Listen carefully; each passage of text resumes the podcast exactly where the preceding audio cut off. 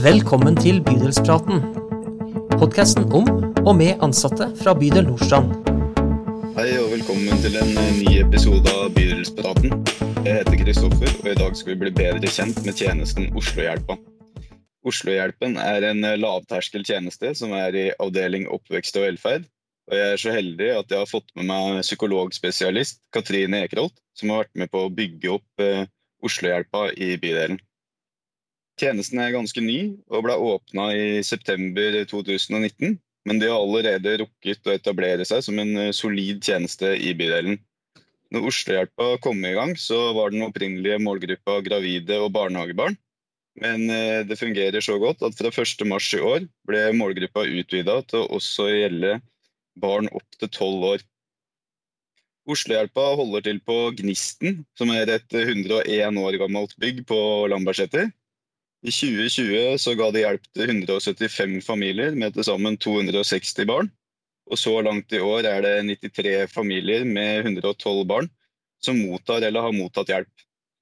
I tillegg eh, er det mange foreldre som ringer inn til Oslohjelpa for å drøfte ulike problemstillinger med ansatte og få tips på telefon. Det gis også rådgivning til barnehager, skoler, helsesykepleiere og barnevern, og andre som har behov for eh, rådgivning. Eh, Katrine, kan ikke du starte med å fortelle om eh, hvem du er og hva din rolle er i, i Oslohjelpa? Jo, nå har jeg jo akkurat vært på sending eh, litt sammen med Nina og snakka litt om oss, og det syns jeg er veldig veldig ålreit. Jeg er psykologspesialist og leder av Oslohjelpen her på Nordstrand. Så her har jeg med meg en, en gjeng med veldig, veldig flinke, flinke folk. Ja, i eh, liksom, navnet Oslohjelpa så er det jo kanskje ikke helt uh, intuitivt uh, hva dere er. Så kan du kanskje fortelle oss hva er, hva er egentlig Oslohjelpa? Ja, ikke sant. Nei, det var Stange, Stange kommune som, som, hadde et sånt familieveiledningstilbud. Og så endra de navnet da til Stangehjelpa. Um, og det var en tjeneste som har hatt veldig, veldig, stor suksess i forhold til å gi tjenester som folk vil ha, ubyråkratisk og, og, enkelt. Og det er rett og slett en modell og et verdisett som uh, Oslo kommune tenkte at det fungerer såpass bra at det velger vi å innføre her i Oslo også. Sånn at alle bydeler skal faktisk ha sin egen uh, Oslohjelp, som skal være det blir jo ulikt i forskjellige bydeler, for bydeler er, er, forskjellige.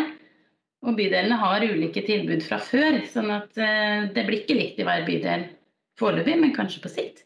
Men her hos oss da, så er det hjelp med psykisk helse, foreldreutfordringer og familievansker.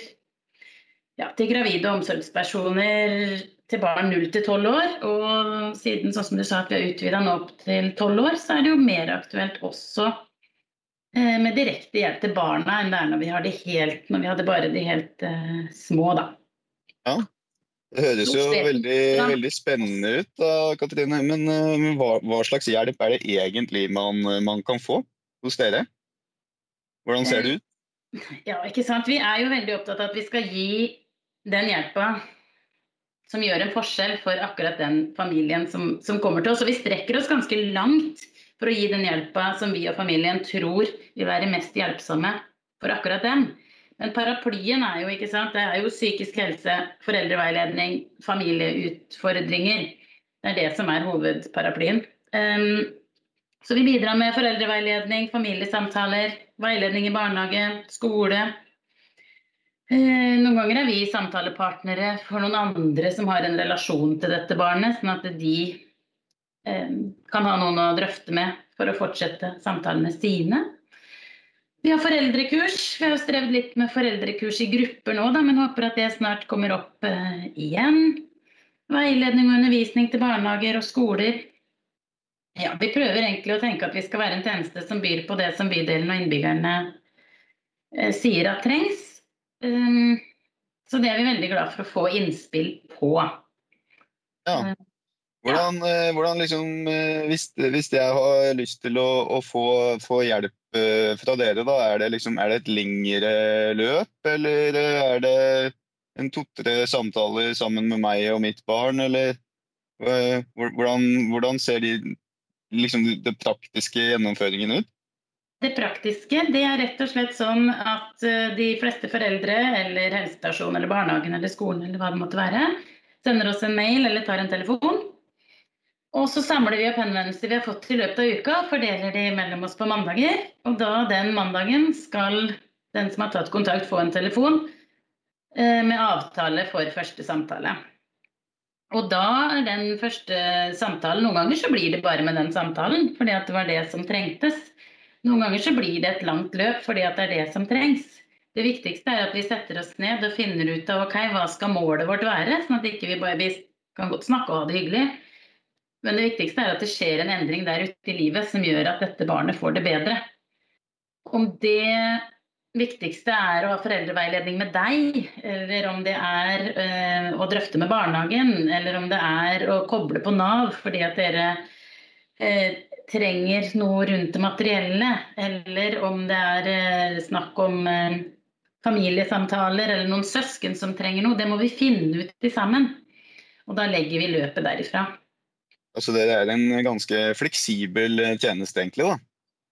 Ja, vi tenker at de som kommer til oss skal kjenne at vi gjør det vi kan for å være fleksible for å møte deres behov, istedenfor at, for at de skal passe opp i vår boks, så må vi liksom lage en boks som passer til den som kommer, eh, kommer, til oss. Og at det må være en boks som er veldig eh, hva skal jeg si, end, endrebar. For det er jo ikke alltid at ting blir sånn som det ser ut i første, første samtale. Nei, folk er jo forskjellige også, så jeg skjønner jo, skjønner jo det. Mm. Men uh, hvordan, uh, hvordan liksom måler dere dere selv på om, om det fungerer, da? Eller har dere noen eller har dere liksom noen effektindikatorer, eller liksom Ja, vi prøver så godt vi kan, da. Fordi at eh, jeg har jo alltid spurt folk når jeg jobba, i psykisk helsevern i mange år. Jeg har alltid spurt liksom, syns du det hjelper, og får du det bedre, og er dette lurt, og sånn. ikke sant? Og så har jeg tenkt at jeg har ivaretatt det da. Det vi gjør litt annerledes nå, er at vi bruker det som heter FIT på iPad. Sånn at de som kommer til oss, de eh, krysser av på fire skalaer når de kommer, om hvordan de har det på fire områder. Um, og når de går, så krysser de av på fire skalaer igjen om hvordan de syns akkurat denne samtalen var. Og da får vi et mål på om de får det bedre i livet sine. Og så kan man jo si at ja, ja, hva er det for et mål, og ikke sant? er ikke det veldig eh, situasjonsavhengig og tilfeldig? Og jo, det kan du godt si. Men da tar vi nå fram den iPaden når folk kommer da, og sier at i dag har du sagt at du har det litt bedre enn sist. Hva kan det handle om? Betyr det at vi er på rett vei i det vi holder på med her? Eller er det andre ting? Og så tenker jeg ja, hvis det er andre ting, det gjør jo ikke noe det. Det viktige er jo at folk får det bedre og får levelige liv. Og det samme gjør Det må jo være det det handler om. Jeg tenker kanskje, Katrine, Det er kanskje ikke alle som vet hva, hva FIT er, men eh, hvis jeg har forstått det riktig, så er det feedback-induserte tjenester? Eller ja. Ja, at man liksom Feedback informed treatment er det FIT står for, egentlig. Da. Men det er en god ja. norsk oversettelse, det. Ja. Mm. Synes, tror du det er liksom en, en, en, fordel å gjøre det på iPad, sånn som du sier, fremfor å liksom bare ta den kommunikasjonen som f.eks. i en samtale sånn som vi har nå? da? Tror du man blir mer liksom uhilda av å gjøre det digitalt? Jeg opplever nok det. For sånn som jeg sa i sted, jeg har alltid spurt, men jeg tror aldri jeg har fått så mye ærlige svar som det jeg har fått etter at vi har begynt å ta det på paden. Ja. Og det tenker jeg er veldig, veldig nyttig. At det er en fin måte for folk å få sagt fra på, men så må de ikke oppleve at de skal stå skolerett da, for, eh, for å ha gitt meg en negativ tilbakemelding. Men da blir det et tema, som jeg sier at ok, men da skal jeg prøve å gjøre det annerledes neste gang. Ja, Nei, men det høres uh, veldig fornuftig ut, det. Mm. Eh, hvordan eh, kan familier komme i kontakt med, med dere i Oslohjelpa, Katrine? Da går det an å sende oss en e-post på Oslohjelpen, krøllalfa, bns.oslo.kommune.no.